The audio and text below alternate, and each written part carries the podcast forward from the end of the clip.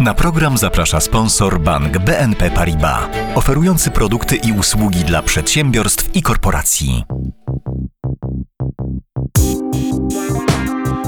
Puls biznesu do słuchania. Dzień dobry, nazywam się Anna Gołasa, a to jest Puls biznesu do słuchania. Ostatnie dwa lata były szczególne dla rodzimej mieszkaniówki znaczący spadek sprzedaży w 2022 roku i kolosalne odbicie w roku kolejnym zaskoczyły rynek. Wiele wskazuje na to, że to nie koniec zmian. Jak na kondycję branży może wpłynąć wynik ostatnich wyborów parlamentarnych, jakie losy czekają program Bezpieczny Kredyt 2% i czego deweloperzy oczekują od nowej władzy? O tym w dzisiejszym podcaście. Zapraszam. Puls biznesu do słuchania. Według najnowszych danych serwisu rynek pierwotny.pl w trzecim kwartale 2023 roku deweloperzy sprzedali prawie 22 tysiące mieszkań. To aż o 129% więcej niż w tym samym okresie 2022 roku. Wynik robi niemałe wrażenie, zwłaszcza, że jeszcze na początku tego roku sytuacja rynkowa była bardzo trudna. Rozmawiam o tym z Waldemarem Wasilukiem, wiceprezesem spółki Wiktoria Dom.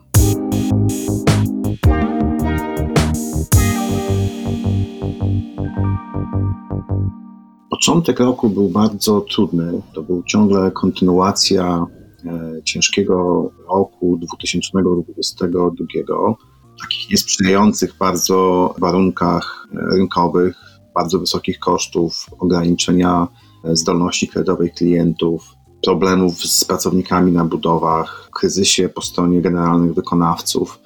To był ciężki bardzo okres i tak naprawdę początek roku przyniósł takie trochę odbicie sprzedaży, powolny wzrost i wchodzenie na poziomy, które w drugim kwartale stymulowane były zapowiedzią kredytu tego dwuprocentowego, gdzie trochę więcej klientów pojawiało się w biurach sprzedaży. I trzeci kwartał, który był absolutnie taki szalony, jeżeli chodzi o możliwość obsłużenia klientów, bo ten kredyt dwuprocentowy, program wsparcia na bardzo wygłodniałym rynku, który był przez ostatnie te 18 miesięcy, gdzie klienci po prostu nie mieli zdolności kredytowej, żeby kupować mieszkania. Te potrzeby mieszkaniowe były bardzo przytłumione, były właściwie uśpione. I to był moment tak naprawdę eksplozji sprzedaży. Mieliśmy swoją rekordową sprzedaż właśnie w trzecim kwartale 2023 roku. I wydaje się, że ten taki duży skok sprzedaży, który był w trzecim kwartale, on powoli w tej chwili zaczyna wygasać. W ramach właśnie wygasających zdolności kredytowych dla klientów pozbawionych możliwości wzięcia tego dwuprocentowego kredytu. Ten e, kredyt był tak sformułowany, że limitów na zakupy klientów nie było w 2023 roku. No, pojawiają się właśnie w 2024 i 2025 roku. Będą te limity bardzo szybko wyczerpywać się. Dodatkową trudnością chyba, którą wszyscy, którzy zdecydowali się na ten kredyt dwuprocentowy, był fakt, że trudno było zablokować sobie tą pulę środków dostępnych na, na, ten kredyt, bo on tak program skonstruowany był, że klienci, którzy dopiero podpisywali umowę, mieli pewność dostania tych środków i jako, że tych klientów było bardzo dużo, te procesy trwały po kilka miesięcy w bankach, widzimy dzisiaj dopiero powoli takie właśnie w czwartym kwartale ostudzenie i ta konstrukcja tego programu właśnie chyba to spowodowała, że ten czwarty kwartał jest taki bardzo spokojny, ale myślę, że cały rok 2023 dla nas, jako dla Wiktorii Dom, będzie rokiem najlepszej sprzedaży, którą e, w historii spółki odnotowujemy. Myślę, że dla branży bardzo potrzebny taki impuls sprzedażowy po zapaści sprzedaży w 2022 roku i myślę, że to jest też umożliwienie, przyspieszenie tego popytu i umożliwienie zakupów tych mieszkań, które były uśpione właśnie w zeszłym roku. Gigantyczny popyt sprzyjał podwyżkom stawek za metr. Jak w 2023 roku zmieniały się cenniki Wiktorii Dom? My mieliśmy dość taką nietypową sytuację przez ostatnie 10 lat, gdzie popyt w zeszłym roku był bardzo przyblokowany. I ten rok tak naprawdę umożliwił nie tylko nam, ale chyba wszystkim deweloperom podnoszenie cen, które tak, nie byliśmy w stanie wszystkich podwyższonych kosztów w ciągu 2022 roku przynosić na klientów. Rzeczywiście ten 2022 rok był najlepszym momentem na zakupy e, nieruchomości w ciągu ostatnich e, kilku lat, gdzie ceny stały w miejscu przy galopującej inflacji, czyli realna cena tego mieszkania spadała. I 23 rok przy takim wzroście tego popytu umożliwił deweloperom odzyskanie części kosztów, które po prostu ponieśliśmy jako powiększenie bazy kosztowej z 2022 roku. Więc y, wszystko, co rozpoczynaliśmy w zeszłym roku, dzisiaj byliśmy w stanie trochę tych kosztów y, odzyskać. Więc rzeczywiście każde takie duże skoki popytowe wiążą się również ze wzrostem cen, no bo ten rynek po prostu też nie jest taki gumowy, nie? gdzie realnie popyt on jest w miarę stały, czasami są jakieś elementy przyspieszenia, a podaż jest też bardzo, bardzo wolna w nawiązywaniu do sprzedaży, no bo dzisiaj największym problemem w tych dużych aglomeracjach miejskich jest właśnie możliwość zaoferowania tego produktu. Procesy administracyjne są wyjątkowo długie i od momentu, kiedy mieliśmy problemy covidowe w 2020 roku, ta sytuacja z roku na rok jest coraz gorsza i projekty które kupowaliśmy właśnie w tamtym czasie. Czasami jeszcze nie jesteśmy w stanie wprowadzić do oferty sprzedaży. Po prostu procesy administracyjne są wyjątkowo długie i ta niepewność też, którą mamy po stronie rynku, po stronie stabilności prawa, którą mieliśmy, jeżeli chodzi, szczególnie jeżeli chodzi o prawa budowlanego, warunków technicznych, ona w ogóle źle wpływa na dobre zarządzanie podażą. I myślę, że tutaj jestem rzecznikiem całej branży deweloperskiej, szczególnie w tych dużych aglomeracjach miejskich, no bo to jest olbrzymi zawsze problem. Ostatnio dużo mówi się o tym, że obecna podaż nie nadąża za popytem. Co musiałoby się wydarzyć, żeby deweloperzy z taką pełną mocą mogli ruszyć z nowymi inwestycjami? Na co powinien w pierwszej kolejności zwrócić uwagę nowy rząd, by uzdrowić sytuację na rynku mieszkaniowym? Myślę, że głównym naszym problemem jest dostępność gruntów i przewlekłość wszystkich procesów administracyjnych, które z jednej strony oczywiście mają charakter legislacyjny, z drugiej strony mają charakter takiego planów urbanistycznych, które w tej chwili mają miasta, czy właściwie większość samorządów ma do wprowadzenia, które mają trochę te procesy w przyszłości ułatwiać. Myślę, że uwolnienie dużej ilości gruntów dla których dzisiaj nie ma miejscowych planów zagospodarowania terenu, nie ma możliwości zabudowania inaczej jak przechodzenie przez bardzo długie procedury, spowoduje, że mielibyśmy mieć łatwo możliwość wprowadzania nowych projektów. Myślę, że będziemy niestety coraz gorzej, bo mamy teraz reformę, która do procesu planowania, gdzie miasta mają określić sobie takie plany ogólne, potem plany dodatkowe dotyczące konkretnych podobszarów i to wprowadza olbrzymią niepewność, jak to będzie wyglądać. A proszę zwrócić uwagę, że w przypadku projektów deweloperskich, od momentu, kiedy podpisze się umowę przedstępną czy zakupu, do momentu, kiedy powstaje pierwsze mieszkanie, potrafi minąć 5 lat, a ostatnie mieszkanie potrafi minąć 10 lat, a w ciągu dziesięciolecia mieliśmy po prostu kilka dużych zmian dużych rewolucji tak naprawdę na rynku e, deweloperskim. I to jest e, oczywiście ta trudność przy kreowaniu tych mieszkań i ze strony gmin i ze strony oczywiście deweloperów, więc ja myślę, że tych planów takich może być bardzo dużo, natomiast e, realia są takie, że będą, będziemy mieli coraz mniejszą dostępność gruntów, coraz trudniejsze i dłuższe procedury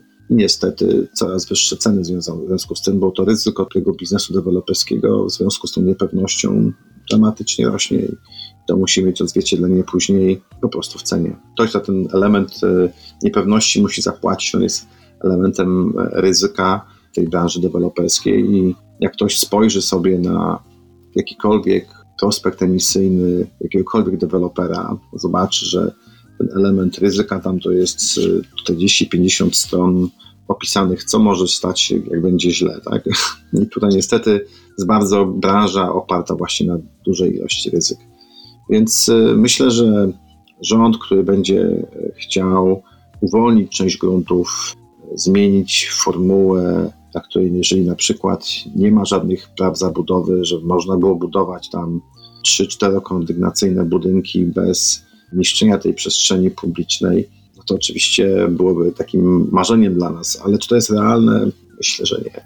Bardzo dziękuję za rozmowę. Moim gościem był Waldemar Wasiluk, wiceprezes spółki Wiktoria Dom.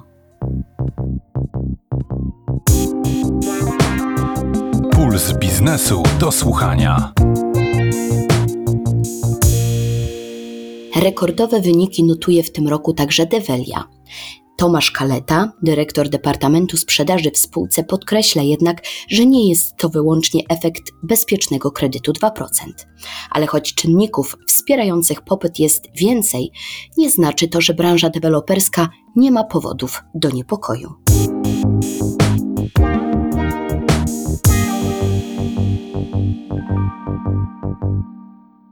Czy muszę powiedzieć, że trzeci kwartał dla spółki był rekordowy. My sprzedaliśmy w trzecim kwartale blisko 900 mieszkań, to jest niemal dwukrotnie więcej niż w analogicznym okresie ubiegłego roku. Także rynek myślę, że można śmiało powiedzieć, że wrócił do sytuacji no de facto sprzed wojny, sprzed COVID-u. Wtedy na największych rynkach w Polsce, to jest Warszawa, Wrocław, Kraków, Katowice, Łódź i Poznań, sprzedawało się w granicach 16 tysięcy mieszkań i tyle udało się sprzedać w drugim kwartale i bardzo podobną liczbę udało się sprzedać w trzecim kwartale. Także widzimy mocną poprawę nastrojów, natomiast de facto można już to było zaobserwować z początkiem roku, bowiem ruch ze strony klientów widoczny był już w styczniu. Po trudnym zeszłorocznym okresie, kiedy de facto zanotowaliśmy spadek sprzedaży o 50% w stosunku do poprzednich lat, no to ten rok zaczął się bardzo dobrze. Klienci zaczęli wracać do biur sprzedaży z kilku względów. Po pierwsze, zauważyli, że ceny mieszkań nie spadają, a ubywa oferty na rynku. Poprawiły się też nastroje społeczne. No niestety, jakby przyzwyczailiśmy się do wojny za wschodnią granicą. Stąd też jakby klienci stwierdzili, że mogą wracać do zakupu mieszkań. Nastąpiła stabilizacja stóp procentowych.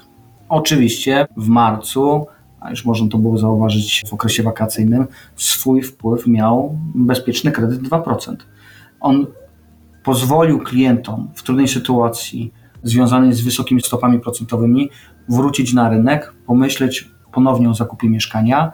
Natomiast ja bym tutaj nie przeceniał wpływu tej grupy klientów. Po pierwsze, udział klientów kredytowych obecnie stanowi około 50% wszystkich transakcji. To jest bardzo podobny poziom jak sprzed wojny, sprzed COVID-u. Ja to chcę jakby podkreślić, bo to był taki okres, powiedzmy, no, normalny rynkowy. Z tych 50% klientów tylko część korzysta z programu Bezpieczny Kredyt 2%. Ja bym oscylował w granicach powiedzmy średnio 40 do 50%. Tak jest, jest znaczna grupa klientów, którzy kupują mieszkanie przy wsparciu kredytem hipotecznym, nie korzystając wcale z programu. Kolejna rzecz, tych mieszkań, które łapią się pod program, z miesiąca na miesiąc ubywa. Mówi się teraz, że w Warszawie to jest około 50%. Podobna sytuacja jest w Krakowie. Stosunkowo najwięcej takich mieszkań jest w Łodzi w Poznaniu, które są rynkami tańszymi od tych innych miast. Co warto podkreślić, w ślad za tym dużym popytem, no niestety nie nadąża podaż. To jest bardzo duży problem. Podaż w tym roku zaspokoiła 2 trzecie popytu. W efekcie tego mamy spadek oferty do poziomu no, z 2010 roku. Wtedy na rynku, na tych sześciu największych rynkach było w granicach 35 tysięcy mieszkań i tyle jest obecnie. Trzeba zaznaczyć, że w lipcu zeszłego roku tych mieszkań było ponad 50 tysięcy, więc mamy no, katastrofalny ubytek oferty. To jest szczególnie widoczne w Krakowie czy też Warszawie. W Krakowie mamy obecnie połowę tego, co było na rynku pierwotnym w ostatnich 10 latach. W Krakowie od 2014 roku na rynku było w ofercie w granicach 8 tysięcy mieszkań. Teraz to jest tylko i wyłącznie 4 tysiące mieszkań. Ten rynek, a jest to rynek sprzedażowo dwu, trzykrotnie większy niż w Łodzi, ma mniej ofert mieszkań na rynku pierwotnym niż w Łodzi. Także bardzo trudna sytuacja. Niestety nie wygląda na to, by miało się to polepszyć z uwagi, iż e, spada liczba wydanych pozwoleń na budowę. Także bardzo trudna sytuacja na rynku. Ubożejąca oferta i spadająca liczba wydanych pozwoleń na budowę to tylko niektóre z bolączek deweloperów, z jakimi innymi utrudnieniami muszą się dziś mierzyć spółki. Problemy jakby są te same, które były w ostatnich latach, natomiast one z uwagi na to, że ten popyt tak bardzo poszedł do przodu, zyskały teraz na aktualności, na swojej mocy. Ja bym tutaj powiedział o dwóch rzeczach, które mają wpływ na to, ile deweloperzy rozpoczynają inwestycji, bo oni by chcieli teraz. Zdecydowanie. Po pierwsze, to podaż gruntów. Jest problem z gruntami i tutaj na pewno należałoby uwolnić te grunty, które należą do Skarbu Państwa bądź też spółek Skarbu Państwa. Wiele tych gruntów e, na przestrzeni ostatnich lat było jakby zatrzymanych, niewypuszczanych na rynek z uwagi na różne plany rządu co do różnego rodzaju programów e, mieszkaniowych. Kolejna, druga bolączka to jest ilość miejscowych planów zagospodarowania przestrzennego, czyli to jest dokument mówiący o tym, tak, ty, na tej działce można wybudować to i to. Okazuje się, że największe miasta mają miejscowe plany zagospodarowania przestrzennego, które te miasta pokrywają w 50%. To jest mało.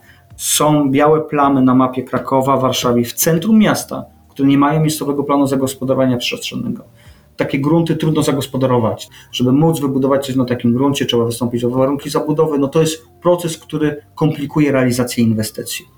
Kolejna ważna rzecz to jest tam, gdzie są już miejscowe plany, to zmiana tych planów pod kątem realizacji projektów mieszkaniowych. No, mamy, znowu wrócę, w największych miastach wiele terenów zurbanizowanych, terenów poprzemysłowych, które należy przekwalifikować na tereny mieszkaniowe. Zaznaczam, że to jest o tyle kluczowe, żeby miasta nam się nie rozlewały. Jeśli nie ma działek, no siłą rzeczy miasta się rozlewają, ale w ślad za tym e, pojawiają się problemy z komunikacją, z oświatą, z zapewnieniem tych podstawowych usług dla takich mieszkańców. Bardzo dobre są wszelkie inicjatywy typu Lex Developer, natomiast ja nie ukrywam, że no to nie zastąpi dobrze przemyślanych miejscowych planów zagospodarowania przestrzennego. Więc na pewno zdecydowanie jednym z podstawowych zadań jest to, żeby poprawić podaż gruntów na rynku. Druga kwestia, która znacznie utrudnia realizację inwestycji, to jest proces uzyskiwania pozwolenia na budowę. Niestety ten proces na przestrzeni ostatnich lat, to było szczególnie widoczny w momencie, kiedy wybuchł COVID, niestety proces uzyskiwania pozwolenia na budowę wydłużył się. Teraz to powiem szczerze, deweloperzy średnio przyjmują około dwóch lat od nabycia gruntu na uzyskanie pozwolenia na budowę. Ten proces zdecydowanie trzeba ukrócić, uprościć, tak żeby te decyzje były wydawane szybciej. Druga rzecz w kontekście prawa to niestety bardzo często zmieniające się prawo, czy to prawo budowlane, czy warunki techniczne. Ja powiem tylko tyle, warunki techniczne odnośnie tego, jak należy budować mieszkań. One de facto zmieniają się praktycznie co roku. Zmieniły się w tym roku, zmieniły się w zeszłym roku i wiele tych nowych zapisów to są zapisy, które uderzają w proces realizacji inwestycji. Czyli istotne jest to, żeby no, mieszkania spełniały pewne normy mieszkaniowe bardzo popularne w przestrzeni publicznej słowo patodeweloperki. Nie ukrywam, że na pewno trzeba walczyć z przejawem tego rodzaju problemów czy też e, inwestycji. Natomiast też no, nie zagonimy się do, do rogu, z tego względu, że z jednej strony chcemy, żeby te mieszkania były łatwo dostępne, żeby te mieszkania były dostępne jakby finansowo dla klientów, żeby tych mieszkań było więcej, ale z drugiej strony zwiększamy odległość budynku od granicy, zwiększamy ilość miejsc postojowych, no to wszystko to powoduje, że to jakby wpływa na te inwestycje. Także szybko zmieniające się prawo i prawo, które no, podraża te inwestycje, utrudnia realizację inwestycji. To jest kolejna rzecz. Tu na pewno potrzebny jest dialog z inwestorami, tak żeby znaleźć najlepsze rozwiązanie. Także to są dwie najważniejsze rzeczy, czyli podaż gruntów, no i uzyskiwanie decyzji i szybko zmieniające się prawo budowlane, czy też prawo związane z warunkami technicznymi. Kolejna rzecz, której byśmy oczekiwali, to nie ukrywam, rząd może będzie miał na to wpływ. Rynek potrzebuje stabilizacji.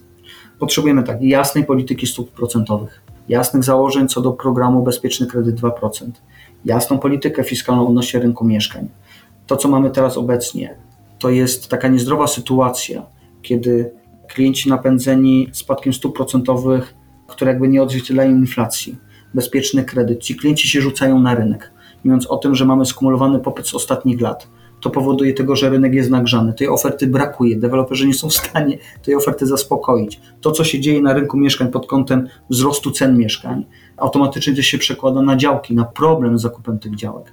Także na pewno wszyscy, zarówno inwestorzy, jak i klienci, w kolejnych miesiącach potrzebowaliby pewnej stabilizacji. Oczywiście no, jest wiele niewiadomych odnośnie na przykład wschodniej granicy, Bliskiego Wschodu, tego, co się będzie działo e, z KPO. Natomiast powinniśmy dążyć wszelkimi możliwymi narzędziami do tego, żeby sytuację na rynku móc ustabilizować. Bardzo dziękuję za rozmowę. Moim gościem był Tomasz Kaleta, dyrektor Departamentu Sprzedaży w spółce Develia.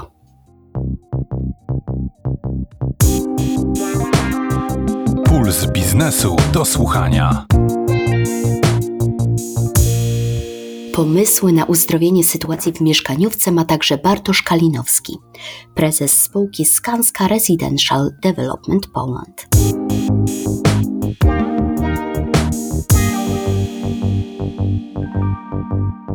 Dobrze byłoby zapewnić kontynuację obecnego programu Bezpieczny Kredyt 2%, gdyż to jest program, który dość dobrze wspiera zdolność kredytową klientów, a tym samym dobrze stymuluje sprzedaż. Na horyzoncie pojawiło się ryzyko wstrzymania tego programu w roku 2024 z uwagi na wyczerpanie budżetu. No, chyba nikt nie zakładał, że aż taką popularnością będzie się cieszył w tym roku i rzeczywiście gdzieś tam pojawiły się pierwsze głosy, że tych środków może zabraknąć na przyszły rok. Dlatego warto się zastanowić nad zwiększeniem tego budżetu, aby właśnie utrzymać ciągłość tego programu. To jest powiedzmy jeden obszar. Drugi, kolejny to taki, żeby uprościć procedury administracyjne, czyli skrócić czas oczekiwania na uzgodnienia i pozwolenia. To bardzo ważne z perspektywy deweloperów, gdyż biurokracja z roku na rok coraz bardziej się rozrasta, coraz więcej czasu zajmuje etap przygotowania projektu do realizacji i ten trend z ostatnich lat jest wzrostowy, niestety, i trzeba go po prostu odwrócić. Aktualnie deweloperzy w największych miastach nie dysponują zapasem pozwoleń na budowę, więc e, ta sytuacja bezpośrednio wpływa na podaż. Po prostu ją ogranicza, więc ceny rosną. A jak już mówimy o procedurach i przepisach, no to też tak jakby proponuję przestać pod hasłem walki z patodeweloperką dodatkowo zaostrzać kryteria dla budownictwa mieszkaniowego, gdyż każda taka reforma dla dobra klienta często w cudzysłowie, powoduje, że na koniec to ten klient musi zapłacić jeszcze więcej za swoje wymarzone mieszkanie. Więc tutaj taki apel właśnie do regulatorów i do urzędników, aby jak najbardziej uprościć te procesy. A oprócz tego rzekłbym, że należałoby zwiększyć podaż gruntów. Wiadomo, łatwo powiedzieć, trudniej zrobić, ale faktycznie ta bardzo ograniczona podaż gruntów pod budownictwo mieszkaniowe powoduje, że te grunty są drogie i są coraz droższe. Duże zasoby gruntów są zamrożone w różnych spółkach Skarbu Państwa lub innych zasobach lokalnych samorządów na przykład. Tylko zamiast po prostu sprzedawać te grunty, ja bym sugerował zastanowić się nad wymianą. Grunt w zamian za pulę mieszkań na wynajem które docelowo będą zarządzane przez lokalne samorządy, na przykład. I w ten sposób nie tylko deweloperzy zyskaliby dodatkowe grunty na realizację swoich projektów, ale też jednocześnie lokalne jednostki, na przykład samorządowe, zyskałyby dodatkową pulę mieszkań na wynajem, co też poprawiłoby sytuację mieszkaniową naszych obywateli, bo przecież zakup mieszkania nie jest jedynym słusznym rozwiązaniem dla każdego bez wyjątku. Więc to są takie trzy obszary. I dodam jeszcze tylko może czwarty. Chodzi o to, że w sytuacji wysokich stóp procentowych i ograniczonej zdolności kredytowej najbardziej ucierpiał tak zwany segment popularny, czyli te najtańsze mieszkania, których e, nabywcy e, bardzo często posiłkowali się kredytem hipotecznym. I deweloperzy, którzy oferują tego typu produkt, czyli te mieszkania popularne, oni często też nie uruchamiają projektów z uwagi na niepewność odnośnie regulacji, odnośnie warunków, na jakich będą udzielane kredyty, bo dla nich sytuacja jest zero-jedynkowa. Jeśli klientów nie będzie stać na to, aby wziąć kredyt, to oni po prostu nie będą mieli klientów. I tutaj ważne jest właśnie to, o czym wspomniałem, czyli kontynuacja tego obecnego programu Bezpieczny Kredyt 2%, jak również no, zapewnienie takiej powiedzmy większej stabilności na tym rynku kredytowym, żeby można było w oparciu o te zapewnienia jakoś planować przyszłość i uruchamiać te kolejne projekty bez takiego ryzyka, że nagle pojawi się jakiś czynnik, który spowoduje, że ci klienci znikną z dnia na dzień. Bo wtedy deweloper ma kłopot, nie ma co zrobić z gotowym budynkiem, w którym są mieszkania niesprzedane i dlatego bardzo często, żeby uniknąć takiego kłopotu, w ogóle nie uruchamiam takich projektów w otoczeniu dużej niepewności Przyszłość bezpiecznego kredytu 2% jest na razie wielką niewiadomą, ale Koalicja Obywatelska przed wyborami kusiła programem kredytów 0%. Do czego Pana zdaniem mogłoby doprowadzić wdrożenie takiego rozwiązania i tak patrząc już szerzej, jakich zjawisk spodziewa się Pan na rynku mieszkaniowym w tym nadchodzącym roku? No, pytania o przyszłość to zawsze najtrudniejsze pytania, dlatego zawsze gdzieś tam moja odpowiedź będzie obarczona powiedzmy ryzykiem spekulacji, ale nie spodziewam się, że oferta deweloperów wyraźnie się powiększy, gdyż tak jak wspomniałem wcześniej, deweloperzy nie mają wielkiego zapasu pozwoleń, więc tak jakby nie mogło z dnia na dzień uruchomić kolejnych projektów, a czynniki hamujące w postaci biurokracji na przykład, one nadal będą występować. Popyt pewnie będzie się utrzymywał, no bo e, mamy niedobór mieszkań w kraju i to jest taki niedobór, którego nie da się uzupełnić na przestrzeni roku czy dwóch, więc ten popyt będzie się utrzymywał. Natomiast w przypadku wstrzymania programu Bezpieczny Kredyt 2%, część klientów będzie miała problem z jego sfinansowaniem, ze sfinansowaniem tego popytu, co pewnie przełoży się na spowolnienie sprzedaży. Jeśli chodzi o ceny, no tutaj raczej nie widać na horyzoncie czynników umożliwiających ich redukcję. Mamy inflację, czyli wzrost kosztów. Pomimo, że jest już jednocyfrowa, to nadal jest znaczna. Mamy wygórowane ceny gruntów, właśnie z uwagi na ich bardzo ograniczoną dostępność. Mamy coraz bardziej restrykcyjne warunki techniczne, które muszą spełniać budynki mieszkalne. No i mamy też tą biurokrację, czyli wydłużony okres uzyskiwania pozwoleń, to przekłada się na zwiększone koszty chociażby finansowania całej inwestycji i to wszystko w otoczeniu wysokich stóp procentowych, więc to są te czynniki, które niestety przemawiają raczej za dalszym wzrostem cen. A wracając do Twojego pytania, co by było, gdyby zastąpić program Bezpieczny Kredyt 2% innym programem 0% stóp? Cóż, ciekawe pytanie. Wydaje mi się, że w krótkiej perspektywie może to nawet negatywnie wpłynąć na rynek mieszkaniowy. Tu wyobrażam sobie, że klienci, którzy spełniają dzisiaj kryteria programu 2%, zechcą wstrzymać swoje decyzje zakupowe w oczekiwaniu na jeszcze bardziej preferencyjne warunki. Czyli mówimy o spadku popytu chwilowym, chociaż nie wiadomo, jak długo taka przerwa miałaby trwać. Spadek popytu, e, który może powstrzymać deweloperów przed wprowadzeniem na rynek kolejnych projektów i jeszcze bardziej zredukować ofertę dostępnych mieszkań no, co na koniec dnia nie będzie korzystne dla klienta. Myślę, że biorąc pod uwagę potencjalne koszty dla budżetu, czyli koszty takiego programu 0% w porównaniu do kosztów przedłużenia programu 2%, myślę, że przynajmniej warto się zastanowić nad utrzymaniem ciągłości obecnego programu. Bardzo dziękuję za rozmowę. Moim gościem był Bartosz Kalinowski, prezes spółki Skanska Residential Development Poland. Puls biznesu do słuchania. O dalszych losach bezpiecznego kredytu 2% rozmawiam także z Bartoszem Turkiem, głównym analitykiem firmy HRE Investment Trust.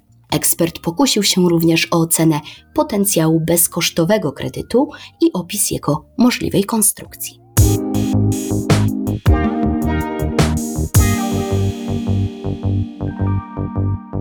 Ostatnie miesiące, ostatnie kwartały, czy nawet ostatnie dwa lata to był okres taki bardzo aktywny na rynku mieszkaniowym. Bardzo dużo rzeczy się zmieniało. Tak nawet patrząc na ostatnie dwa lata, to tak naprawdę mieliśmy do czynienia z okresem bardzo dobrej koniunktury, później zapaści, i teraz wracamy z powrotem do okresu bardzo dobrej koniunktury. I to wszystko zdarzyło się właściwie w ciągu zaledwie dwóch lat. A patrząc na ostatnie trzy kwartały, to szczególnie w tym kontekście myślę, że warto spojrzeć na program Bezpieczny Kredyt 2%, bo on de facto urodził się w głowach polityków, został wdrożony w życie, zaczął no, stawiać pierwsze kroki, a później właściwie teraz to on już tak pędzi, że nawet y, politycy, którzy go stworzyli, to się nie spodziewali, że ten program będzie aż tak popularny i będzie się cieszył y, aż tak dużym zainteresowaniem.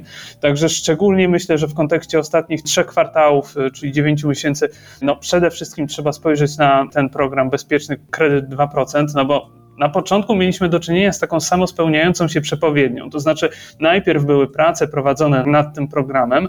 Na początku jeszcze były osoby, które były sceptyczne, a nóż widelec to jest tylko taka wrzutka, która później nie stanie się faktycznie działającym programem, ale szybko okazało się, że prace nad wdrożeniem programu dopłat do kredytów postępowały zgodnie z pierwotnymi zapowiedziami i pojawiło się zagrożenie, czy taka obawa wśród potencjalnych kupujących, że jak ten program wejdzie w życie, to oferta zostanie wykupiona, a ceny mieszkań wzrosną. Przy okazji, oczywiście, dobra sytuacja na rynku pracy, trochę taniejące hipoteki i to, że Komisja Nadzoru Finansowego w ogóle ułatwiła dostęp do kredytów, to wszystko spowodowało, że mieliśmy do czynienia z taką samą spełniającą się przepowiednią. To znaczy, część Polaków zaczęła się obawiać, że ceny mieszkań w wyniku wprowadzenia bezpiecznego kredytu 2% ceny mieszkań wzrosną, oferta zostanie wykupiona, więc oni ruszyli na zakupy, zanim rządowy program został uruchomiony, czego efektem faktycznie był wzrost cen i wykupienie oferty, nawet zanim ten program wszedł w życie. Później mieliśmy taki okres takiej niepewności, co to będzie, czy w ramach tego programu faktycznie najpierw będzie składanych dużo wniosków. To szybko okazało się, że zainteresowanie tym programem faktycznie jest bardzo duże. Później było pytanie, czy te wnioski kredytowe zaczną się przekładać na faktycznie podpisywane umowy. No i z danych y, dostępnych na dzień 18 października wynikało, że podpisanych umów było ponad 24 tysiące na łączną kwotę prawie 10 miliardów złotych, podczas gdy rząd na etapie tworzenia tego projektu ustawy spodziewał się, że w ogóle w całym 2023 roku zostanie udzielonych 10 tysięcy kredytów na łączną wartość trochę ponad 3 miliardy złotych, także już 18 października właściwie trzykrotnie przekroczyliśmy ten plan, a wszystko wskazuje na to, że będzie jeszcze lepiej, no bo mamy jeszcze co najmniej dwa pełne miesiące, w których wnioski kredytowe będą składane, a umowy kredytowe będą podpisywane. Także ja się spodziewam, że, że pieniądze na ten program się szybko skończą, ale pojawia się przecież też pomysł zastąpienia bezpiecznego kredytu 2% kredytem 0%, czyli w sumie darmowym kredytem. Tutaj mam wrażenie, że ta koncepcja jest trochę za daleko idąca, bo już już bezpieczny kredyt 2% jest najbardziej hojnym programem mieszkaniowym, z jakim mieliśmy w historii do czynienia, a zamiana go na kredyt darmowy jest po prostu niepotrzebna. No chyba, że będziemy mieli do czynienia z taką de facto likwidacją programu mieszkaniowego przez pozorną jego liberalizację. O co chodzi? No może się okazać, że na przykład bezpieczny kredyt 2% zostanie mm, zastąpiony kredytem darmowym, ale po drugiej stronie pojawią się wymagania, bardzo wysokie wymagania dotyczące efektywności energetycznej nieruchomości, które będzie można przy pomocy takiego kredytu kupić. Czyli może się okazać, że owszem, będzie dostępny darmowy kredyt na mieszkanie, ale tylko jeśli to mieszkanie będzie bardzo nisko energochłonne albo i pasywne, a takich mieszkań po prostu nie ma. Czy po prostu ich podaż jest ekstremalnie mała. Może się okazać y, w związku z tym, że program ten zostanie wygaszony poprzez y, pozorną liberalizację, deweloperzy owszem mogliby spróbować dostarczyć ofertę mieszkań pasywnych, no ale znowuż, czy deweloper będzie skłonny, aby rozpoczynać nową inwestycję z projektem budynku pasywnego, myśląc o tym, że później będzie te mieszkania sprzedawał klientom, którzy zakwalifikują się na kredyt 0%, przy założeniu, że cała procedura administracyjna pozyskania gruntu, projekt, budowa zajmuje kilka lat no, stawiam dolary przeciw orzekom, że takich odważnych będzie niewiele albo w ogóle nie będzie, żeby pod tak zmienne prawo realizować inwestycje. Także Widzę tutaj takie zagrożenie w sumie, z którym możemy mieć do czynienia w najbliższych miesiącach, że jeżeli popularność bezpiecznego kredytu 2% zostanie utrzymana, to pieniądze na ten program, te zapisane w aktualnej ustawie, skończą się w styczniu. I to najprawdopodobniej na początku stycznia, więc już zostaje bardzo mało czasu, żeby podjąć decyzję o zakupie mieszkania. A jeżeli tak, to może się okazać, że przez najbliższe dwa miesiące będzie się sprzedawało wszystko, co ma księgę wieczystą albo może mieć księgę wieczystą, a kwalifikuje się do programu, więc możemy się spodziewać bardzo dużego popytu do końca roku na mieszkania i na preferencyjne kredyty. niewykluczone, że będzie to też połączone e, z dalszym wzrostem cen, a na początku przyszłego roku realizowane będą e, wnioski kredytowe, które będą składane do końca roku bieżącego, ale powinniśmy mieć do czynienia z pewnym takim odreagowaniem, no bo jeżeli dużo osób teraz przyspieszy decyzję o zakupie mieszkania, żeby jeszcze się załapać na tani kredyt, no to w przyszłym roku można się spodziewać, że ten popyt będzie mniejszy. Przy czym no, Myślę, że tak od wiosny do lata, późnego lata możemy się spodziewać, że będzie trochę więcej spokoju na tym rynku, bo z jednej strony i skończą się pieniądze na bezpieczny kredyt 2%, a z drugiej strony deweloperzy będą uruchamiać więcej inwestycji, więc ta dysproporcja pomiędzy popytem i podażą w końcu zacznie nam się wyrównywać i spodziewam się, że tak no, mniej więcej w połowie przyszłego roku będziemy mieli chwilę większego spokoju na rynku mieszkaniowym. No ale znowu Pytanie, co się stanie z bezpiecznym kredytem? Czy on zostanie utrzymany, pieniądze nie zostaną do niego dosypane, ale dalej będzie realizowany ten budżet już uchwalonej ustawie? No to wtedy by się okazało, że pod koniec roku 2024 znowu kupujący, którzy chcieliby się załapać na tani kredyt, znowu byliby bardzo aktywni na rynku. Jeżeli bezpieczny kredyt 2% zostanie zamieniony na kredyt 0%, no to ja się spodziewam, że wpływ tego programu na rynek będzie marginalny, więc właściwie wszystko zostanie oddane w ręce normalnych mechanizmów rynkowych, czyli tutaj przede wszystkim powinniśmy patrzeć na to, co się będzie działo ze stopami procentowymi. Jeżeli Rada Polityki Pieniężnej dalej będzie obniżała stopy, kredyty będą łatwiej dostępne, więc no, popytu na mieszkania nam nie zabraknie. I właściwie no, w tym momencie jest tyle niewiadomych, biorąc pod uwagę, e, jak rozbieżne były programy partii, które szły do wyborów, to obawiam się, że w tym momencie trudno jest powiedzieć, co więcej nas czeka. Musimy poczekać, aż wyłoni się rząd, musimy poczekać, aż wyłoni się polityka mieszkaniowa nowego rządu i no, możemy tylko w tym momencie powiedzieć, że szkoda, że najprawdopodobniej co nowy rząd to nowy pomysł, co utrudnia działanie na rynku mieszkaniowym, bo tak jak powiedzieliśmy na wstępie, w ciągu ostatnich dwóch lat mieliśmy do czynienia z taką drogą od boomu do załamania i z powrotem.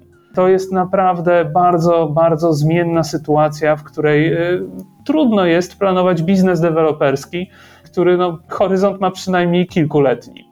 Już w listopadzie niektórzy deweloperzy informują o świątecznych promocjach. Czy są to faktyczne okazje i na co w tym przypadku zwracać uwagę, by się po prostu nie naciąć? W tym momencie na rynku mieszkaniowym y, sytuacja jest taka, że mieszkania sprzedają się same. Brakuje mieszkań, a nie kupujących, można tak to powiedzieć. Więc właściwie promocje u deweloperów mogą równie dobrze wyglądać tak, że ktoś y, napisze komu komu, bo idę do domu, bo jakby w tym momencie popyt przekracza podaż i deweloperzy starają się jak najszybciej rozwinąć skalę prowadzonej swojej działalności i po prostu uzupełnić ofertę, żeby skorzystać na tej koniunkturze, z którą mamy do czynienia. Także myślę, że jeżeli ktoś nas kusi jakąś bardzo z pozoru atrakcyjną promocją, to można obawiać się tego, że przed chwilą ta cena została podniesiona przed promocją, żeby później w promocji została obniżona. Także co do zasady, kupując mieszkanie, szczególnie teraz w tym szalonym okresie końcówki roku, gdzie już w tym momencie oferta jest bardzo mocno wykupiona, a ja spodziewam się, że do końca roku popyt utrzyma się na bardzo wysokim poziomie, no to przede wszystkim porównywałbym ofertę zarówno rynku pierwotnego, jak i wtórnego. Nie należy dogmatycznie trzymać się jednego rynku w sytuacji, w której oferta jest tak dramatycznie wykupiona i nie należy podejmować decyzji w pośpiechu, bo sprzedawcy oczywiście lubią nas motywować do tego, informując, że to już jest ostatnia okazja, że okazja cenowa, że zaraz ceny wzrosną, a kredytów, bezpiecznych kredytów zaraz zabraknie. No i chociaż tym razem to częściowo może być prawda, to nie dajmy się zwariować, bo pamiętajmy, że w mieszkaniu, które kupujemy, będziemy mieszkać co najmniej kilka albo kilkanaście lat, więc nie warto kupować czegoś, do czego nie jesteśmy przekonani. No, tak samo jak w sklepach odzieżowych, jak są promocje, to, to, to nie kupujemy za małych spodni albo za dużych, prawda, które będą z nas spadały.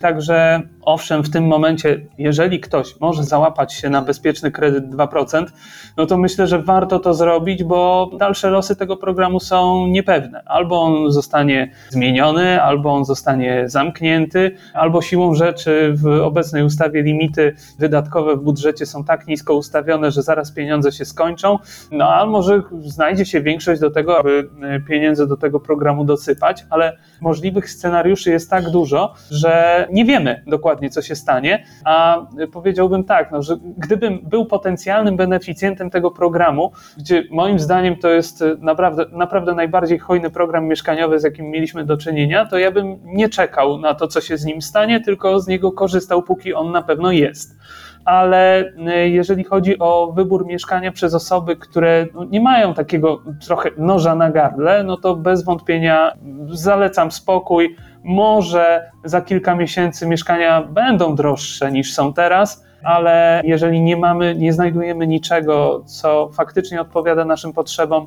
to już może nawet lepiej tych kilka miesięcy poczekać, e, niż podejmować decyzje w takim e, szale. No niestety potencjalni beneficjenci programu Bezpieczny Kredyt 2% nie mają aż takiego e, komfortu, żeby móc sobie poczekać, szczególnie jeżeli mają taką sytuację, że tylko w bezpiecznym kredycie mają zdolność kredytową, to znaczy tylko na taki kredyt ich stać no to niestety tutaj wstrzemięźliwość jak najbardziej, ale z, musimy pamiętać o tym, że no przynajmniej w obecnym kształcie ustawy i przy obecnej popularności tego programu w styczniu pieniądze na niego się skończą. Już w tym momencie możemy powiedzieć, że wykorzystanie środków zapisanych na rok 2024 jest na poziomie około 70%. A przed nami jeszcze dwa miesiące, podczas których y, co tydzień wartość podpisywanych umów może opiewać na miliard, półtora, a może nawet i dwa miliardy złotych. Także to będzie szalony czas dla osób, które korzystając z taniego kredytu chciałyby kupić mieszkanie, no ale dla części osób to jest taka w sumie trochę ostatnia okazja. Bardzo dziękuję za rozmowę. Moim gościem był Bartosz Turek, główny analityk firmy HRE Investment Trust.